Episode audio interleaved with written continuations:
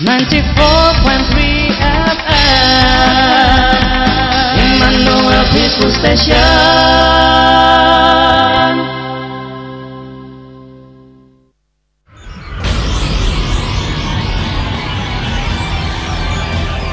Radio Immanuel melangkah pada program berikutnya.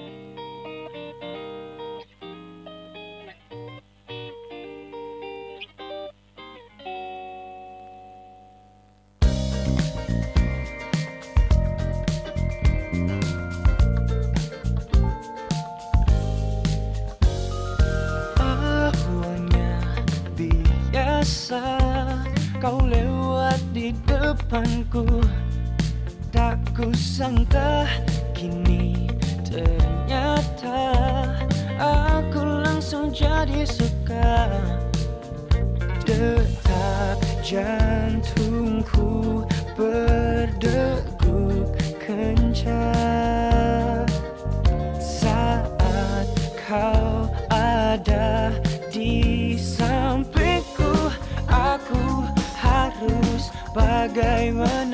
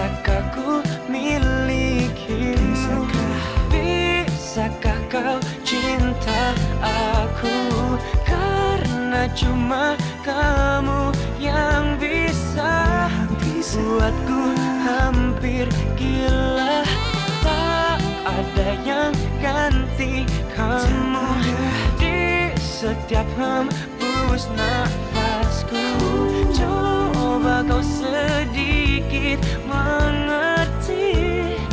I just wanna love you Baby, takkan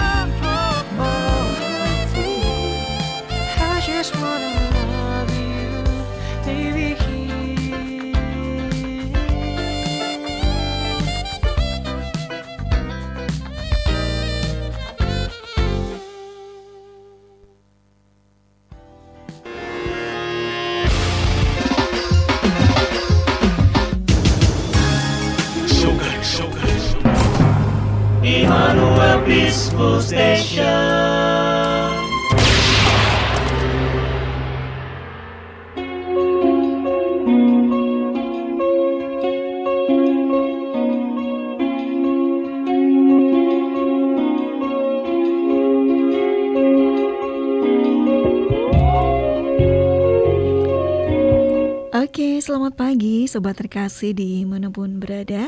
Anda masih setia bersama kami tentunya di 94,3 FM Immanuel Peaceful Station.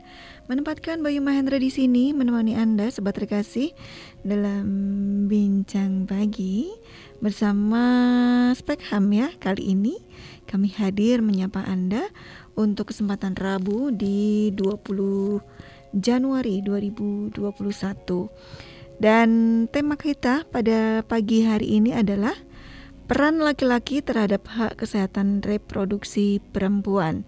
Dan tentu saja sudah ada narasumber kita Mas Antonius Danang juga Mas Henrico Fajar. Saya akan menyapa dulu dan sudah terhubung pastinya. Halo, Shalom, selamat pagi. Halo, Shalom Mbak. Selamat pagi Mas Selamat Danang pagi, ini ya. ya. Ya sehat Mas Danang? Sehat luar biasa Mbak. Puji Tuhan, sehat terus pokoknya jaga selalu ya Mas Danang ya. Iya, Ya Mas Danang, kali ini Spekha menghadirkan topik pembahasan peran laki-laki terhadap hak kesehatan reproduksi perempuan. Nah, tentunya bisa dijelaskan dulu nih Mas tentang eh, peranan laki-laki ini. Baik. eh, sebelumnya saya menyapa dulu sobat terkasih Manuel terlebih dahulu. Salam eh, berkah dalam buat semuanya yang bergabung di Radio Immanuel.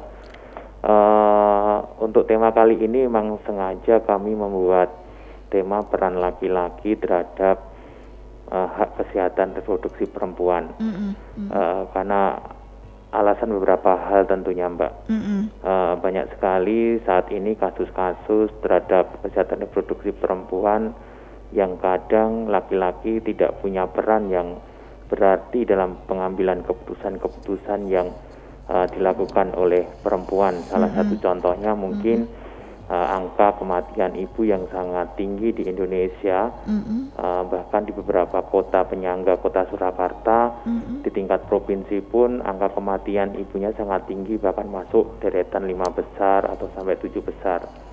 Eh, dalam hal diskusi diskusi tertentu tentunya banyak sekali cerita bahwa kenapa kok sampai angka kematian ibu sangat tinggi. Mm-mm. Eh, eh, di antaranya karena memang perempuan akhirnya harus mengambil keputusan-keputusan tersendiri Mm-mm. karena laki-laki kadang cuek ya mbak Uh, Iya. apalagi budaya kita di Indonesia Mm-mm. bahwa peran laki-laki di uh, di lingkungan masyarakat sangat tinggi tetapi untuk isu-isu tertentu khususnya di isu-isu kesehatan seakan-akan laki-laki uh, acuh tak acuh bahwa Iya, isu cuek aja. kesehatan reproduksi itu seakan-akan menjadi haknya perempuan saja bahwa perempuan yang harus berpikir sendiri Iya, perempuan yang harus memutuskan sendiri harus gitu, bertanggung Mbak. jawab dengan dirinya sendiri, begitu Betul, ya. Mbak, iya. Uh-uh. Nah, kenapa sih Mas eh, laki-laki itu harus berperan penting dalam reproduksi wanita ini? Iya, saya Fajar, Mbak.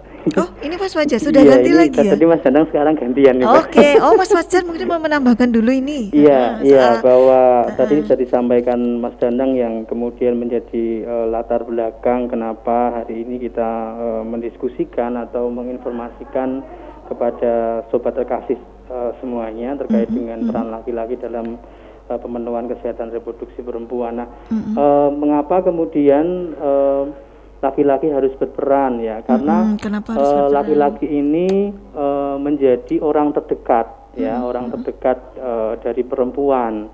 Ketika kemudian eh, perempuan atau laki-laki perempuan sudah menikah maka orang terdekatnya ya laki-laki yang kemudian harus mem- memiliki peran yang eh, baik yang yang konkret begitu yang bisa dilakukan. Semisal dalam upaya misalnya eh, perencanaan kehamilan misalnya. Nah itu harus ada peran laki-laki Mhm. eh, untuk misalnya memutuskan eh, jenis alat kontrasepsi. Nah di situ juga perlu dibangun komunikasi yang baik antara eh, laki-laki dan perempuan ya. Mhm. kemudian juga ketika eh, ibu hamil Ya, ya, ketika istrinya sudah hamil maka perlu untuk kemudian eh, apa laki-laki harus berperan penting di situ jadi bagaimana memastikan misalnya soal kebutuhan gizi ibu hamil Iya. ya kebutuhan gizi ibu hamil itu apa yang kemudian harus- dipenuhi oleh laki-laki begitu oleh orang terdekat begitu supaya eh, nanti eh, janinnya bisa sehat kemudian Betul. nanti menghasilkan generasi yang yang baik pula Iya, betul. kemudian yang setuju. Tidak kalah penting juga terkait dengan lingkungan mbak jadi eh, laki-laki juga bisa berperan di dalam ketika ibunya ha- eh, istrinya hamil maka eh, peran yang bisa dilakukan untuk misalnya mewujudkan lingkungan yang sehat Mm-mm, ya misalnya betul. bebas asap rokok kan Iya. tentu saja ya menjadi kebutuhan ya semua Heeh, orang heeh. eh, bahwa eh, terutama ibu hamil ketika apa ketika tidak lingkungannya tidak mendukung misalnya masih ada asap rokok ini kan bisa berdampak buruk pada janin. perkembangan janin Betul. misalnya seperti itu. Nah kemudian eh itu tadi bahwa soal soal yang lainnya misalnya eh, tadi lingkungan sudah ya lingkungan bagaimana lingkungan mewujudkan lingkungan sudah. yang yang baik kemudian juga terkait dengan pembagian peran mbak Ah, ini yang kemarin eh, kami kan juga mempunyai beberapa wilayah desa dampingan ya jadi eh, kami senang ketika banyak eh, bapak-bapak yang curhat bahwa ketika ibu hamil saya juga melakukan pekerjaan rumah kok. Misalnya saya juga mencuci saya juga eh, setrika saya juga membersihkan rumah. Nah seperti itu. Peran-peran itu yang yang menurut kita mungkin itu peran yang yang sederhana ya. Tapi itu bisa berdampak bagus bagi eh, apa eh, pasangan kita yang sedang hamil. Karena Iya, betul. secara tidak langsung juga bisa bisa mengurangi beban pekerjaan ya mbak ya seperti itu Iya betul. Iya. Jadi memang peran eh, seorang pria, pasangan, suami itu memang sangat dibutuhkan oleh wanita ya, ketika hamil, melahirkan, begitu ya, Pak ya Mas Mas Fajar ya. Iya. Ketika masa nifas pun juga perempuan ingin didampingi oleh seorang eh, suami, Betul. begitu yang selalu siap siaga dalam eh kondisi saat eh, wanita itu mengalami hal-hal itu semua ya Mas Fajar ya. iya betul sekali mbak Mm-mm. Oke Mas Fajar, ini mungkin Mas Danang mau menambahkan dulu sebelum saya masuk ke pertanyaan berikutnya. Iya Mbak, menambahkan Mas Fajar sedikit terkait dengan peran tadi ya. Mm-mm. Sebetulnya kan perempuan itu membutuhkan eh, perlindungan, Mm-mm. rehabilitas dan pengobatan. Nah, kadang ini terkait dengan sisi perlindungan ini pun kadang eh, laki-laki kadang eh, perannya baru sangat sedikit. Mm-mm. Kalau dihitung persen pun paling 0, sekian persen saja yang laki-laki punya peran terhadap pasangannya. Mm-mm. Eh, salah satu contohnya mungkin saya ambil contoh aja di kota Surakarta Eh, beberapa tahun yang lalu itu kami menemukan eh, satu orang perempuan di kelurahan eh, dampingan kami yaitu mengalami apa namanya hmm, keputihan yang sangat hebat Mhm. keputihan yang di luar eh, sudah eh, melebihi keputihan biasa gitu mbak Mhm. Eh, saking stresnya mungkin si perempuan ini tidak ada teman untuk komunikasi, teman untuk melindungi dia juga, Mhm. teman untuk ngobrol. Iya. Jadi ibu ini mengambil keputusan karena keputihan ini sudah lama tidak sembuh-sembuh, akhirnya sampai eh, memakai cairan wipol itu untuk pengobatan. Mhm. Ya akhirnya kami membawa si ibu ini kita naikin kita naikin becak sampai ke sebu- satu layanan di kota Surakarta yaitu di puskesmas eh, untuk memberi kami berikan pelayanan ke- kepada si perempuan ini mbak. Jadi itu sih sebetulnya karena saat ini kan kebijakan-kebijakan pemerintah pun masih arahnya perempuan jadi objek ya dari kebijakan kesehatan termasuk kebijakan keluarga berencana. Uh, seperti kasus pemakaian alat kontrasepsi itu kan lebih banyak menyasar ke perempuan juga padahal Iya, alat betul. kontrasepsi juga kadang untuk KB juga ada juga yang menyasar untuk laki-laki Iya, tapi sebenarnya laki-laki ini bukan hal tabu untuk diomongkan bahwa bisa menggunakan kondom begitu ya, Iya. atau eh, juga bisa menjaga kebersihan dari seorang laki-laki. iya betul mbak Mm-mm, itu jadi betul. Intinya bahwa ngomongin kesehatan reproduksi itu harus kita tekankan bahwa laki-laki punya peran juga Mm-mm. Iya. laki-laki punya peran menjaga uh, kesehatan reproduksinya sendiri juga menjaga kesehatan reproduksi pasangannya Iya. dalam hal ini mendukung semua apa yang uh, ingin dilakukan pasangannya terkait dengan kesehatan reproduksi yang uh, ramah perempuan tentunya. Iya, Gitu, Mbak. betul. Karena memang tidak hanya dibebankan ke seorang perempuan saja, tetapi seorang laki-laki, pasangan suami juga harus bisa menjaga kesehatan dirinya gitu ya, Mas ya. Iya, Mbak. Oke, Mas Fajar dan Mas Danang kita break sesaat ya. Setelah Mbak. itu kita balik lagi dan tentunya untuk Anda sobat rekasi yang ingin bergabung, ingin bertanya, bisa melalui phone atau eh maaf, melalui SMS atau WA di 081 825 2244. Kami beri sejenak untuk kita menikmati beberapa info berikut ini. Setelah itu kita akan balik lagi. Masak udah, nonton TV juga udah. Hmm, ngemil ah enggak ah, ntar gendutan. Hah, ngapain lagi ya? Eh, kamu kenapa? Kok jadi mati gaya gitu? Aku bosen nih, di rumah kerjanya itu-itu mulu, sebel. Sekarang kamu gak bakalan bosen deh. Nih, kakak abis pasang internet pakai Citranet. Cuma 300 ribuan per bulan, udah dapat internet unlimited up to 10 Mbps tanpa batasan kuota loh. Hah, masa sih kak? Buat aku belajar online dari rumah juga bisa? Bisa banget. Sekarang kakak juga bisa nyaman work from home di rumah loh. Selain itu, kita berdua bisa download, streaming film atau musik, dan main game sepuasnya. Wah, asik beneran ini mah. Jadi makin betah di rumah deh. Nah, gitu dong. Tetap di rumah aja sambil produktif pakai internet dari Citranet. Yuk bantu pencegahan penyebaran virus COVID-19 dengan tetap produktif beraktivitas di rumah aja. Informasi seputar produk dan layanan internet terbaik, klik www.citra.net.id atau hubungi 0271 727 197. Internet ya Citranet. Lapar kak Mandi sana. Lapar kok disuruh mandi sih kakak nih Ya ampun deh, kamu itu mandi dulu. Terus nanti kita berangkat ke rumah makan adem ayem.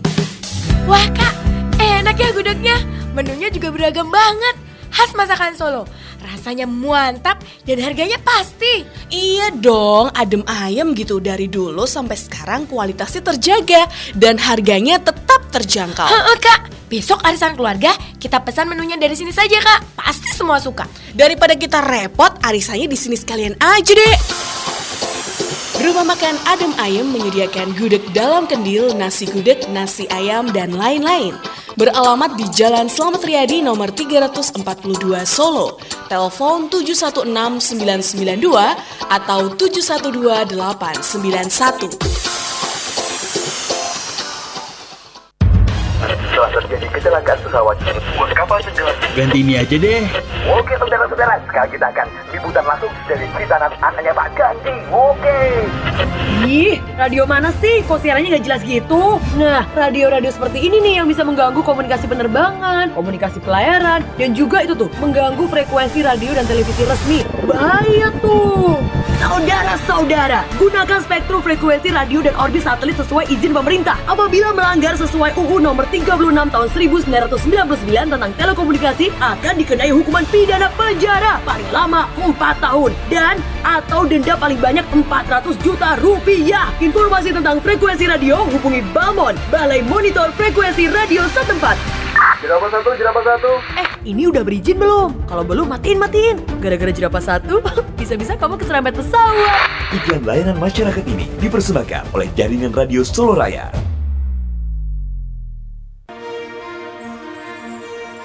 Sobat terkasih, Anda diberkati dengan puji-pujian ini?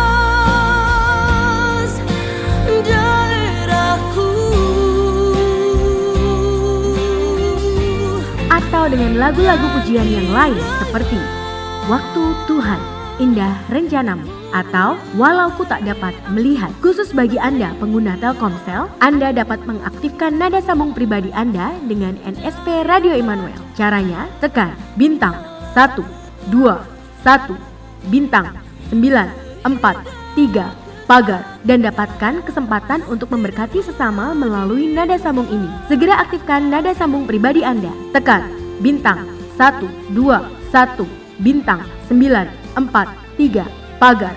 Khusus bagi pengguna Telkomsel. Tuhan memberkati.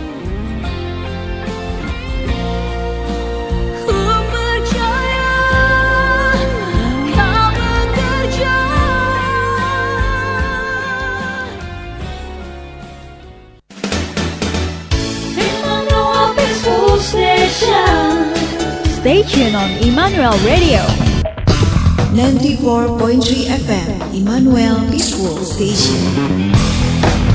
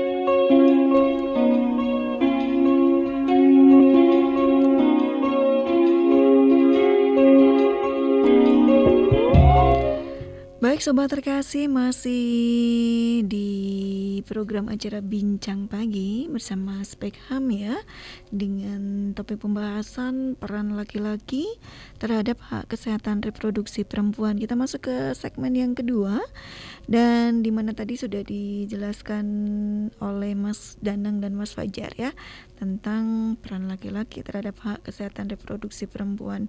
Nah, kita masuk ke pertanyaan berikutnya nih Mas Danang atau Mas Fajar. Bagaimana untuk situasi atau budaya di Indonesia nih untuk peran laki-laki, suami atau pasangan terhadap kesehatan reproduksi perempuan? Iya, eh, mungkin seperti yang saya katakan di atas tadi ya Mbak sebelum kita masuk di sesi ini tadi ya, eh, bahwa peran laki-laki masih sangat sedikit. Mungkin pagi ini saya dan Mas Fajar adalah em, bisa dibilang bagian terkecil dari laki-laki itu, yang 0, sekian persen. Iya, tadi. yang nol. Eh, kalau kita melihat eh, budaya di Indonesia, masyarakat dewasa ini khususnya laki-laki masih beranggapan bahwa masalah kesehatan reproduksi itu masih menjadi masalah kesehatan organ reproduksi perempuan. Hmm. Eh, begitu juga masalah dengan program KB-nya. Kadang laki-laki eh, belum berpikir sampai itu juga menjadi sebuah kewajiban yang harus saya lakukan. Eh, padahal ti- eh, kesehatan reproduksi tidak terpisah dari hubungan laki-laki dan perempuan sebetulnya kalau ngomong masalah kesehatan reproduksi tersebut. Eh, partisipasi laki-laki dalam kesehatan reproduksi sangat kurang jelas. Eh, sebenarnya laki-laki itu masih tidak ingin ikut campur intinya dalam masalah reproduksi.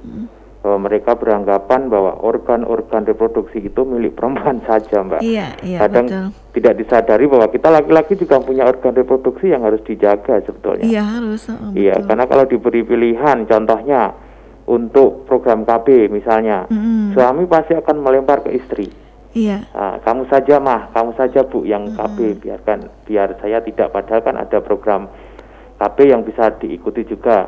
Yang paling mudah adalah mungkin KB pakai kondom seperti Iya. itu. Tapi itu itu hal mudah tapi kadang mau. jarang dilakukan oleh eh, suami atau laki-laki. Eh, apalagi yang sifatnya eh, KB yang sifatnya program pemerintah kayak eh, vasektomi itu mungkin eh, mereka juga akan lari juga akhirnya setelah diberi informasi Iya, nggak dan mau, proses gitu. penyembuhannya berapa lama gitu. Nah, itu mungkin eh, situasi sebetulnya saat ini di Indonesia masih seperti itu, Mbak. Laki-laki masih punya eh, belum punya peran yang sangat Iya. signifikan terhadap Masih, proses apa, namanya diri gitu ya. kesehatan reproduksi perempuan atau pasangannya mungkin ya. Mbak. Mm-mm. Iya, Mas Fajar mau menambahkan? Iya, memang bukan sesuatu yang mudah ya merubah eh, apa paradigma berpikir laki-laki di Indonesia terkait dengan eh, perannya dalam eh, pemenuhan kesehatan reproduksi. Eh, tapi eh, apa yang Spegam selama ini lakukan memang kita terus mendorong. Jadi bagaimana kemudian eh, laki-laki ini juga memiliki peran yang sangat penting begitu. Misalnya soal tadi sudah disinggung soal eh, penentuan alat kontrasepsi. Nah, situ harus dibuka ruang-ruang komunikasi yang baik dengan dengan pasangan.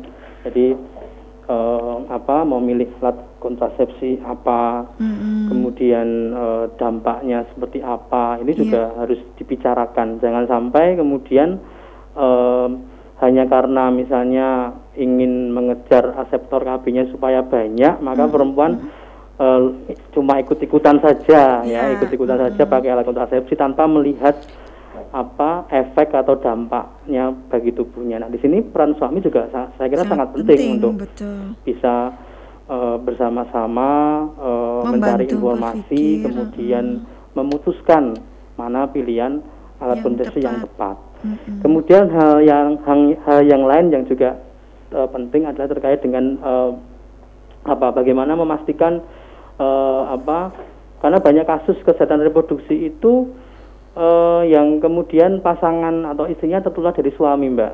Ya misalnya eh, ada IMS ada HIV nah ini juga saya kira penting ya eh, bagaimana perilaku seksual eh, laki-laki ini juga eh, harus harus benar-benar bagus begitu. Jangan sampai kemudian eh, apa perempuan tertular eh, penyakit kelamin. Nah ini kan menjadi malapetaka bagi keluarga itu. jadi eh, apa mulai dibangun bagaimana kita belajar bersama tentang eh, efek eh, apa efek ketika perilaku seksual kita tidak bagus ya.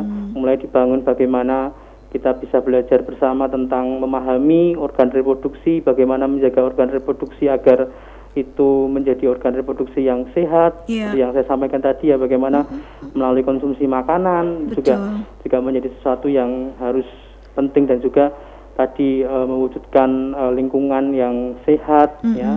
lingkungan yang nyaman ya. Karena kalau kemudian eh, perempuan ini mendapat dukungan dari suami tentu dampak dampak Baiknya. baiknya itu adalah secara secara psikologis perempuan juga akan merasa nyaman ya merasa aman karena merasa didampingi begitu. Ya, merasa dilindungi gitu. Iya merasa dilindungi, eh, mera- merasa apa ya punya punya teman eh, apa ya eh, pe- apa, Apa? punya teman yang Untuk bisa diajak berbicara yang pasti. iya begitu dan kemudian juga eh, apa memberikan bisa diajak bertimbang atau mempertimbangkan apa yang eh, baik untuk seperti yang Mas Fajar sampaikan tadi memilih Iya. alat kontrasepsi gitu. betul iya betul seperti itu mbak Iya.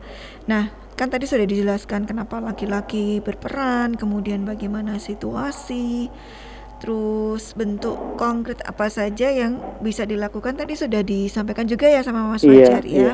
Salah satunya adalah membantu eh, istri gitu ya, tidak Iya. hanya mencuci di dapur atau membersihkan rumah ya, tetapi ketika is- seorang istri melahirkan pun juga ber- itu juga termasuk peran ya Mas Fajar ya. betul betul sekali Mhm. Ini intinya bahwa apa eh, laki-laki harus berperan di situ harus harus eh, melakukan eh, apa eh, bisa kemudian kita berbagi peran. Bagaimana tanggung jawab pekerjaan rumah itu kan juga tanggung jawab bersama ya. Iya, jadi Ya. tidak hanya dibebankan ke betul. istri saja sebenarnya, gitu. betul jadi jangan Tapi sampai banyak juga ini ya, Mas ya. Laki-laki itu berprinsip seperti ini. Biasanya nih ada yang beberapa yang ditemui juga bahwa Hmm. ketika seorang laki-laki sudah bertanggung jawab untuk ekonomi Hmm. atau finansialnya, biasanya mereka udah iya apa istilahnya Hmm. eh, tidak peduli dengan eh, ini kondisi rumah, karena apa yang sudah saya berikan ya. iya Uh, itu saya juga su- sudah capek begitu, tapi ternyata enggak ya Hmm. mas ya. Hmm. Nah, ini yang kemudian harus eh, bisa bersama-sama kita luruskan ya, bisa kita edukasikan kepada eh, apa eh, pendengar dan masyarakat luas ya. Ini yang yang kemudian eh, kondisi gambaran yang kita jumpai di lingkungan sekitar kita ya, di di lingkung- kita bicara lingkungan sekitar saja lah. Iya. Itu masih seperti itu. Jadi Masih gitu kan ya? Iya, karena budaya patriarki yang masih mengakar begitu di masyarakat kita. Nah, ini yang sebenarnya memang harus harus bisa diubah bahwa eh, kita bisa bisa kemudian eh, mulai dalam lingkungan terkecil kita. Jadi bagaimana eh, tadi peran-peran tugas pekerjaan rumah itu menjadi dimaknai sebagai bentuk tanggung jawab gitu. Kita bisa melatih misalnya anak-anak kita bagaimana eh, tidak ada lagi pekerjaan laki-laki dan pekerjaan perempuan. Semua sama saja sebenarnya. Itu yang kemudian bisa kita mulai latih. Tapi sekali lagi ini kita bicara soal budaya ya budaya di Indonesia yang masih seperti itu maka eh, kita harus pelan-pelan kemudian juga melakukan giat melakukan kampanye kepada masyarakat luas ya.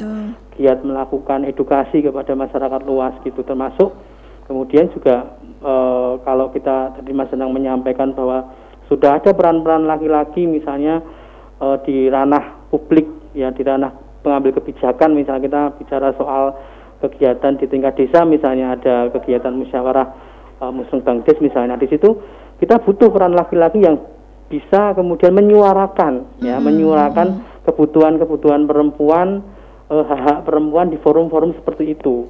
Ya supaya kemudian di dalam eh, apa kebijakan kebijakan nanti yang kemudian di di apa dihadirkan oleh pemerintah ya pemerintah desa atau pemerintah kelurahan itu adalah kebijakan-kebijakan yang bisa pro terhadap perempuan gitu. Mhm.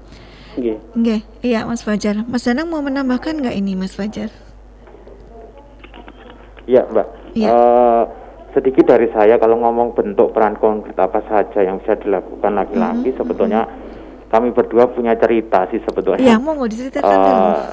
salah satunya yaitu hal yang terkecil mungkin ya, Mbak. Mm-mm, mm-mm. Kami itu meminta, kalau saya, Kak, saya itu meminta atau menjadwalkan istri saya itu untuk melakukan pemeriksaan atau deteksi dini seperti kanker leher rahim dengan mengakses layanan pap smear itu Mm-mm. Mbak itu salah satu bentuk konkret yang saya lakukan Mm-mm. dan saya ti- tidak hanya sebatas menjadwalkan saja tapi saya juga harus mengantar istri saya dan mengetahui hasilnya seperti apa sih dari hasil eh, pap smear tersebut gitu jadi Mhm, itu bentuk bentuk eh, konkret yang bisa kami lakukan sebagai laki-laki atau pasangan istri uh, di rumah. Jadi tidak us- tidak usah yang muluk-muluk. Hmm. Kalau tadi Mas Fajar punya cerita di sisi ekonomi juga saya dari sisi kesehatannya itu Mbak Mm-mm. sama. Mm-mm.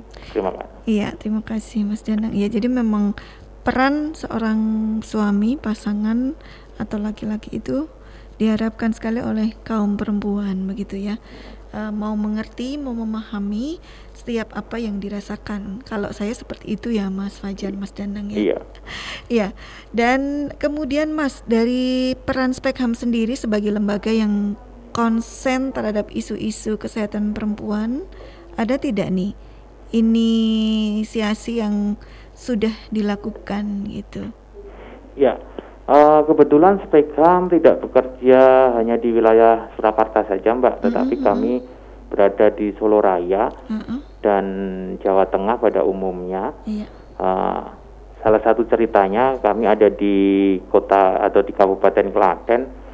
Kami itu ada semacam serial diskusi-diskusi kesehatan reproduksi itu melalui forum RT, forum RW maupun forum desa yang di situ memang eh, yang terlibat adalah semua laki-laki. Hmm, Ah, dan kami melakukan dengan diskusi tematik, Mbak, kayak sekolah cash pro gitu, khusus ngomongin kesehatan reproduksi, ngomongin hak kesehatan seksual dan reproduksi, memperkenalkan mereka terkait dengan alat kontrasepsi, perencanaan kehamilan sampai akses layanan cash pro yang eh, ramah perempuan.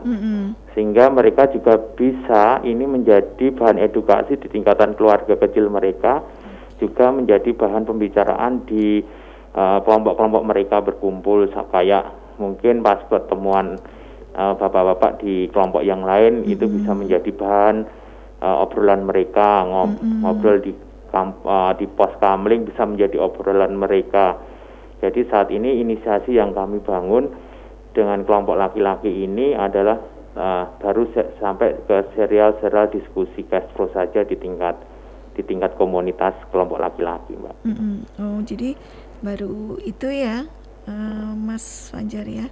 Dan ada kegiatan nggak Mas kalau ketika eh, memberikan inisiasi di eh, tempat yang sudah ditentukan ini? Ya, kegiatannya tadi saya sampaikan Mas Danang ya. Jadi kita melakukan semacam diskusi begitu Oh, diskusi ya. aja ya, sharing ya. Diskusi dan eh, sharing terkait dengan pengalaman-pengalaman Oh, eh, laki-laki gitu. di sana yang Menceritakan berarti ya.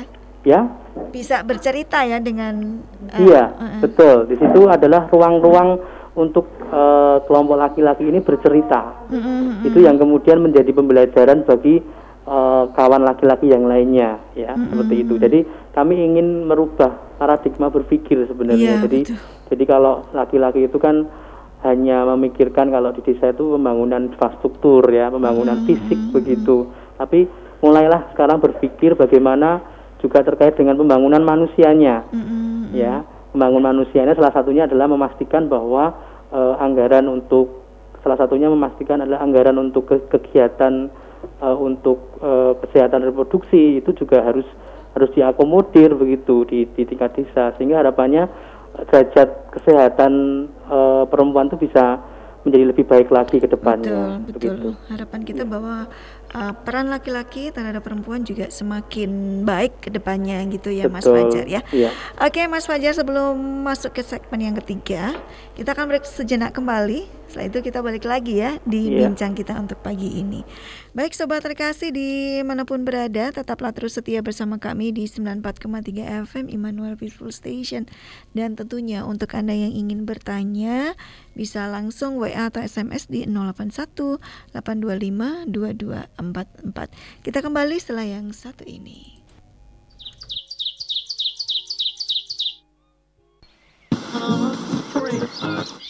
Mana sih ini? Kok nggak ketemu? Hilang ke mana sih? Eyang, ngapain? Muter-muter radio kok sampai kayak gitu? Nyari apa sih? Ini loh, Eyang itu kangen pengen denger radio Immanuel. Dengerin suara penyiar radio Immanuel kesayanganku itu. Mbak Arti Rosman. Tapi tak cari kok nggak ketemu-ketemu ya. Sini sini, coba sini Eyang, coba aku bantuin buat nyariin ya. Harusnya di sini, kok nggak ada ya? 94,3 FM kan? Udah bener tuh, tapi kok nggak ada ya? Hmm, coba lagi, coba lagi, coba lagi. Pada ngapain ini? Ini loh Bang, ibu itu mau nyari radio Immanuel kok nggak bisa ketemu dari tadi. Oh itu, pakai radio digital saja. Sebentar. Loh, Pak D, Pak D mau ke mana? Ah, kok malah pergi sih? Harap bersabar ya, Yang. Ini ujian. Aku coba cari lagi deh. Bu, nih, pakai ini saja. Radio digital. Nih, klik. Sudah langsung radio Immanuel. Nggak usah bingung nyari frekuensi lagi. Iya, selamat siang sobat terkasih di mana pun Anda berada. Hari ini Selasa ya. Selasa ada saya Wah, ini dia penyiar idolaku. Nah, nek gini rak nyamleng. Eh, yang bisa di rumah saja sambil dengerin suara penyiar idola dan menyapa pendengar desa antero dunia. Kalau sudah denger penyiar idola, cucu nggak dianggap ada. Hmm. Sobat terkasih, hanya dengan Rp150.000 Anda bisa mendapatkan radio digital dengan frekuensi yang sudah diatur dan baterai radio yang dapat diisi ulang. Radio digital dapat Anda peroleh di Radio Immanuel Jalan DI Panjaitan nomor 3 Banjar Sari Solo. Telepon 632515 atau hubungi Inov di 0898 526 3353.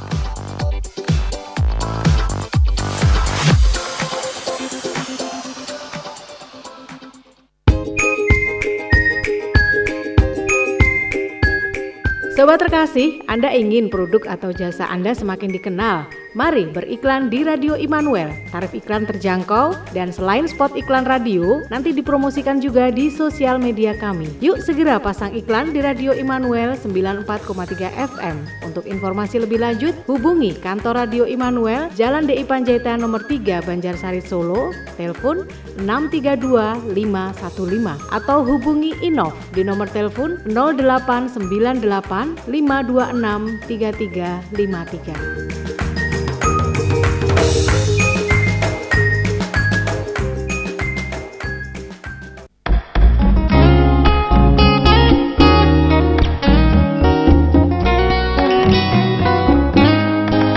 Sembilan empat koma tiga FM Immanuel Peaceful Station.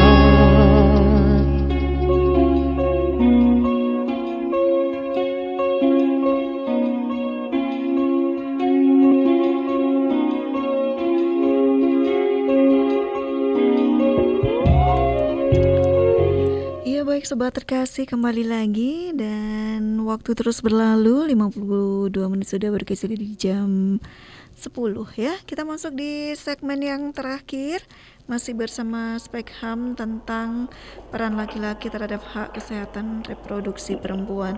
Tadi sudah dijelaskan banyak sekali oleh Mas Danang dan Mas Fajar ya tentang eh, peran-peran eh, seorang suami laki-laki atau pasangan terhadap perempuan.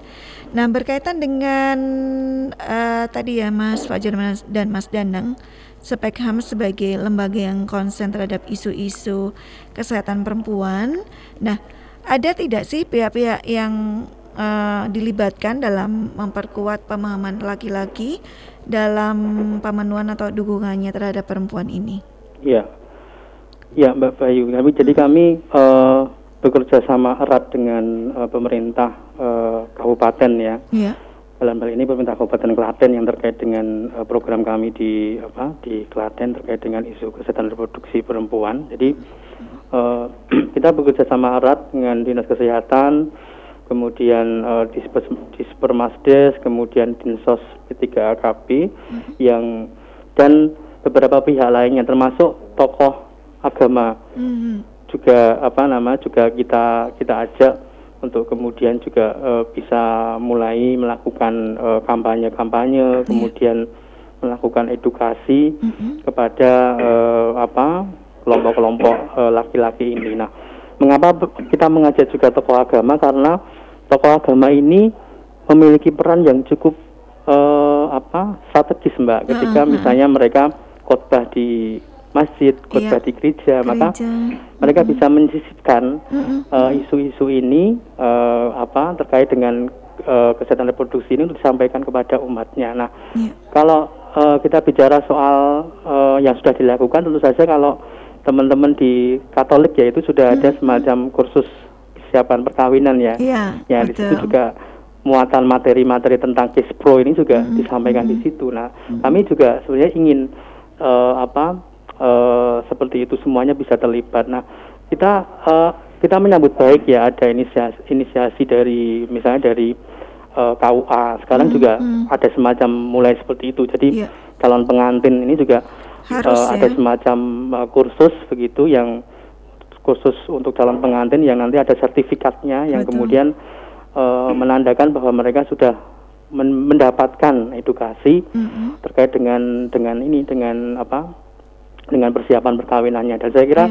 eh, case pro ini harus dimasukkan di situ ya supaya eh, semuanya bisa bisa mengerti bisa memahami sehingga nanti ketika sudah memasuki jenjang eh, perkawinan maka sudah paham apa peran yang bisa dilakukan di situ.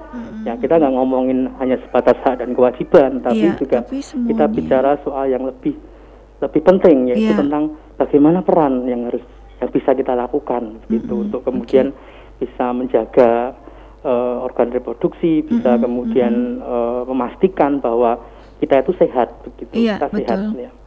Iya, itu ya, Mas Fajar ya. Oke, terakhir ini Mas, eh sebelum menutup nih ya untuk perjumpaan kita di bincang pagi kali ini, pesan apa sih yang bisa disampaikan kepada kelompok laki-laki dalam mendukung pemenuhan hak kesehatan reproduksi perempuan ini?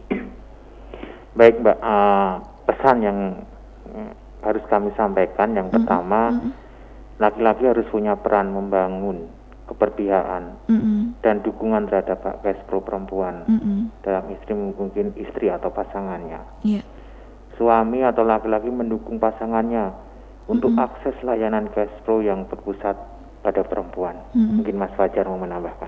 Iya, monggo Mas Fajar. Ya, selain itu tentu saja tadi ya sudah disampaikan bahwa eh, apa terus menerus ketika ada pengalaman baik misalnya ada seorang bapak yang sudah melakukan itu maka harapannya itu bisa disampaikan Mm-mm. kepada laki-laki yang lainnya begitu. Iya, iya.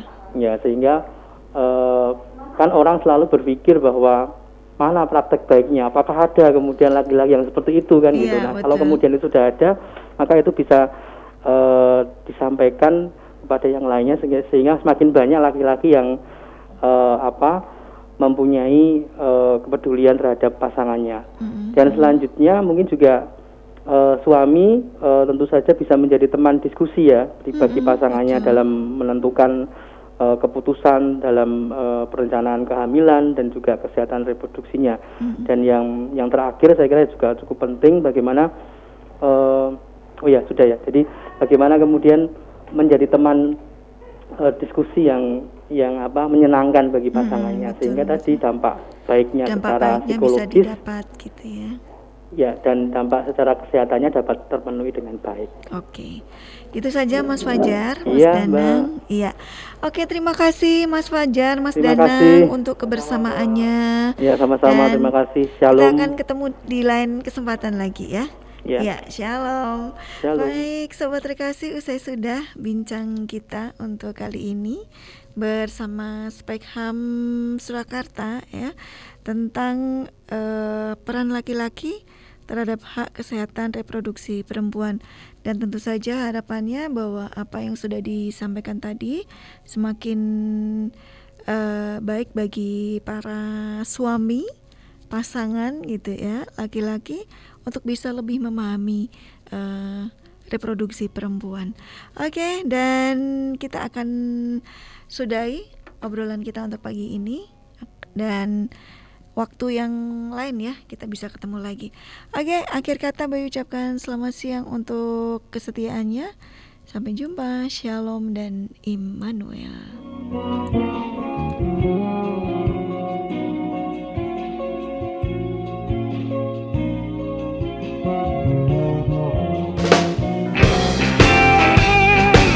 Nine four point three FM Immanuel Peaceful Station.